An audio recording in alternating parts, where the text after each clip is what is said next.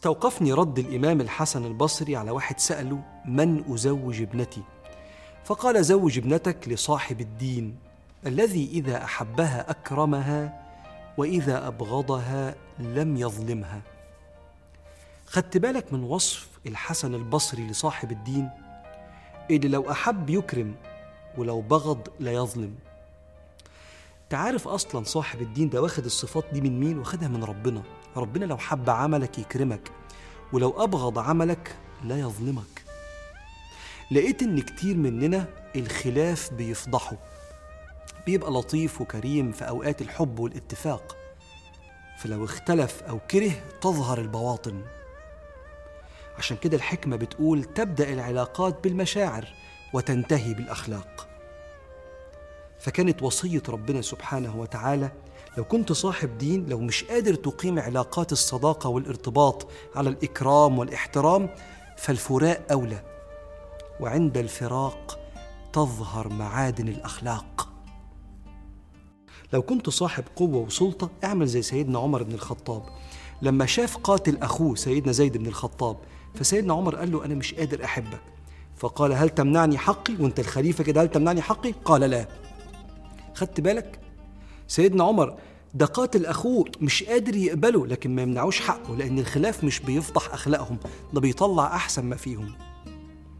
اعمل زي سيدنا محمد عليه الصلاة والسلام لما المسلمين انتصروا في غزوة بدر وكان في أسرى من المشركين. واحد من المشركين وكان قائد اسمه عزيز ده أخو مصعب بن عمير الصحابي الكبير. أخوه بقى عزيز ده كان مشرك قائد المشركين. بيقول كنت في مجموعة من الأنصار الأنصار مسؤولين عنه هو أسير عندهم. قال فكانوا إذا قدموا غداءهم وعشاءهم خصوني بالخبز وأكلوا هم التمر. الخبز أعلى من التمر. لوصية رسول الله إياهم بنا. ما تقع في يد أحدهم كسرة خبز إلا نفحني بها فأستحي فأردها فما يمسها. عشان النبي وصاهم أكلوهم أحسن من أكلكم.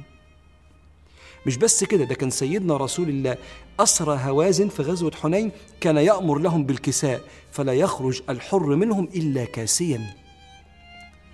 مش معنى إن إحنا اختلفنا معاكم بل وحاربناكم.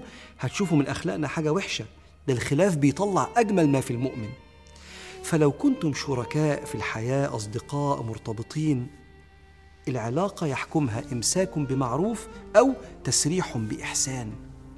خلي الخلاف ما يفضحش أخلاقنا خليه يطلع أحسن ما فينا لو أنت صاحب دين. صاحب الدين ليس من صفاته الغدر أو اللؤم. كتير من العلاقات كان فيها أمل لو تدخل المصلحون شوية. لكن طريقة الخلاف والفراق فضحت الأخلاق وكان فيها من الظلم اللي قضى على أجمل ذكريات العلاقة. وما بقاش في أمل ترجع لأن وقت ما اختلفوا أهانوا بعض. أصحاب اختلفوا فيفشوا أسرار بعض.